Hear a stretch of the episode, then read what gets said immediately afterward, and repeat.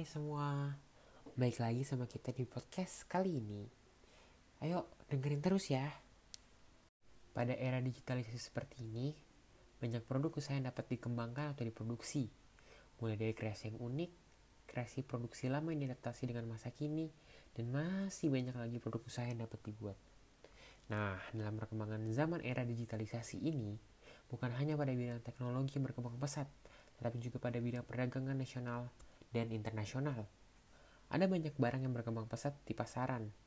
Salah satu contohnya yang dapat berkembang dan mampu bersaing saat ini di bidang perdagangan yaitu kain ikat celup atau tie-dye. Oh iya, tie-dye ini pertama kali muncul pada era 1960-an yang dipopulerkan oleh kaum hippies loh. Nah, for your information, teknik tie-dye ini selama ini sudah cukup terkenal dan menjadi salah satu teknik pewarnaan kain tradisional di berbagai negara.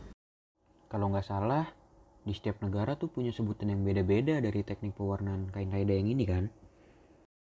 Kalau nggak salah, di setiap negara tuh punya sebutan yang beda-beda dari teknik pewarnaan kain tie-dye yang ini kan? Di Jepang mereka menyebutnya shibori. Kalau di India tie-dye disebut bandana. Di Afrika Barat teknik ini dikenal dengan nama indigo dye yang dimodifikasi dengan sulaman tradisional di sana. Di Thailand dan Laos motif ini dikenal dengan mutmi tie-dye yang warna dasarnya hitam.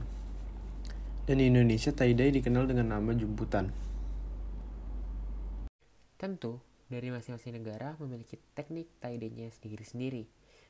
Semuanya itu berbeda-beda, dan hal tersebut mengakibatkan menjadi sebuah ciri khas tersendiri bagi masing-masing negara, sehingga dapat dipromosikan atau dikenalkan pada negara sendiri atau sampai ke luar negeri atau mancanegara. Betul sekali. Pembuatan kerajinan ini umumnya dibuat dengan modal yang seminimal mungkin, tetapi tetap menggunakan kualitas yang terbaik, sehingga dapat diminati oleh masyarakat pasar lokal maupun global. Selain itu, untuk mengenalkan produk ini, dibutuhkan yang namanya promosi atau pemasaran kan? Iya, karena pemasaran adalah usaha untuk mencari, menemukan, dan mempertahankan konsumen. Hmm, pemasaran seperti apa yang bisa dilakukan dalam era digitalisasi seperti ini?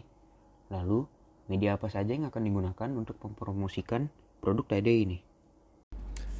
Untuk promosi atau pemasaran yang bisa dilakukan, um, hal yang dapat dilakukan yaitu mempromosikan menggunakan media cetak dan media elektronik. Sehingga hal tersebut lebih memudahkan dalam menyebarkan promosi ke pasaran agar lebih cepat dan lebih mudah. Betul, hal seperti itu bagus untuk perkembangan industri rumahan sehingga karyanya dapat dikenalkan lebih luas lagi dan juga dapat menghasilkan laba. Selain dapat membantu perekonomian rumahan dan mempromosikan ke pasar global, produk tie-dye ini juga dapat memperkenalkan budaya Indonesia yang dituangkan ke dalam proses pembuatan tie-dye tersebut. Betul tuh, contohnya seperti pembuatan batik yang dapat menggunakan teknik tie-dye, sehingga secara tidak langsung dapat memperkenalkan atau mempromosikan budaya Indonesia ke pasar global. Jadi banyak sekali hal atau peluang yang dapat dimanfaatkan dalam pembuatan produk usaha di era digitalisasi ini. Terima kasih semuanya udah dengerin podcast kita episode kali ini. Sampai jumpa di episode berikutnya ya. Dadah.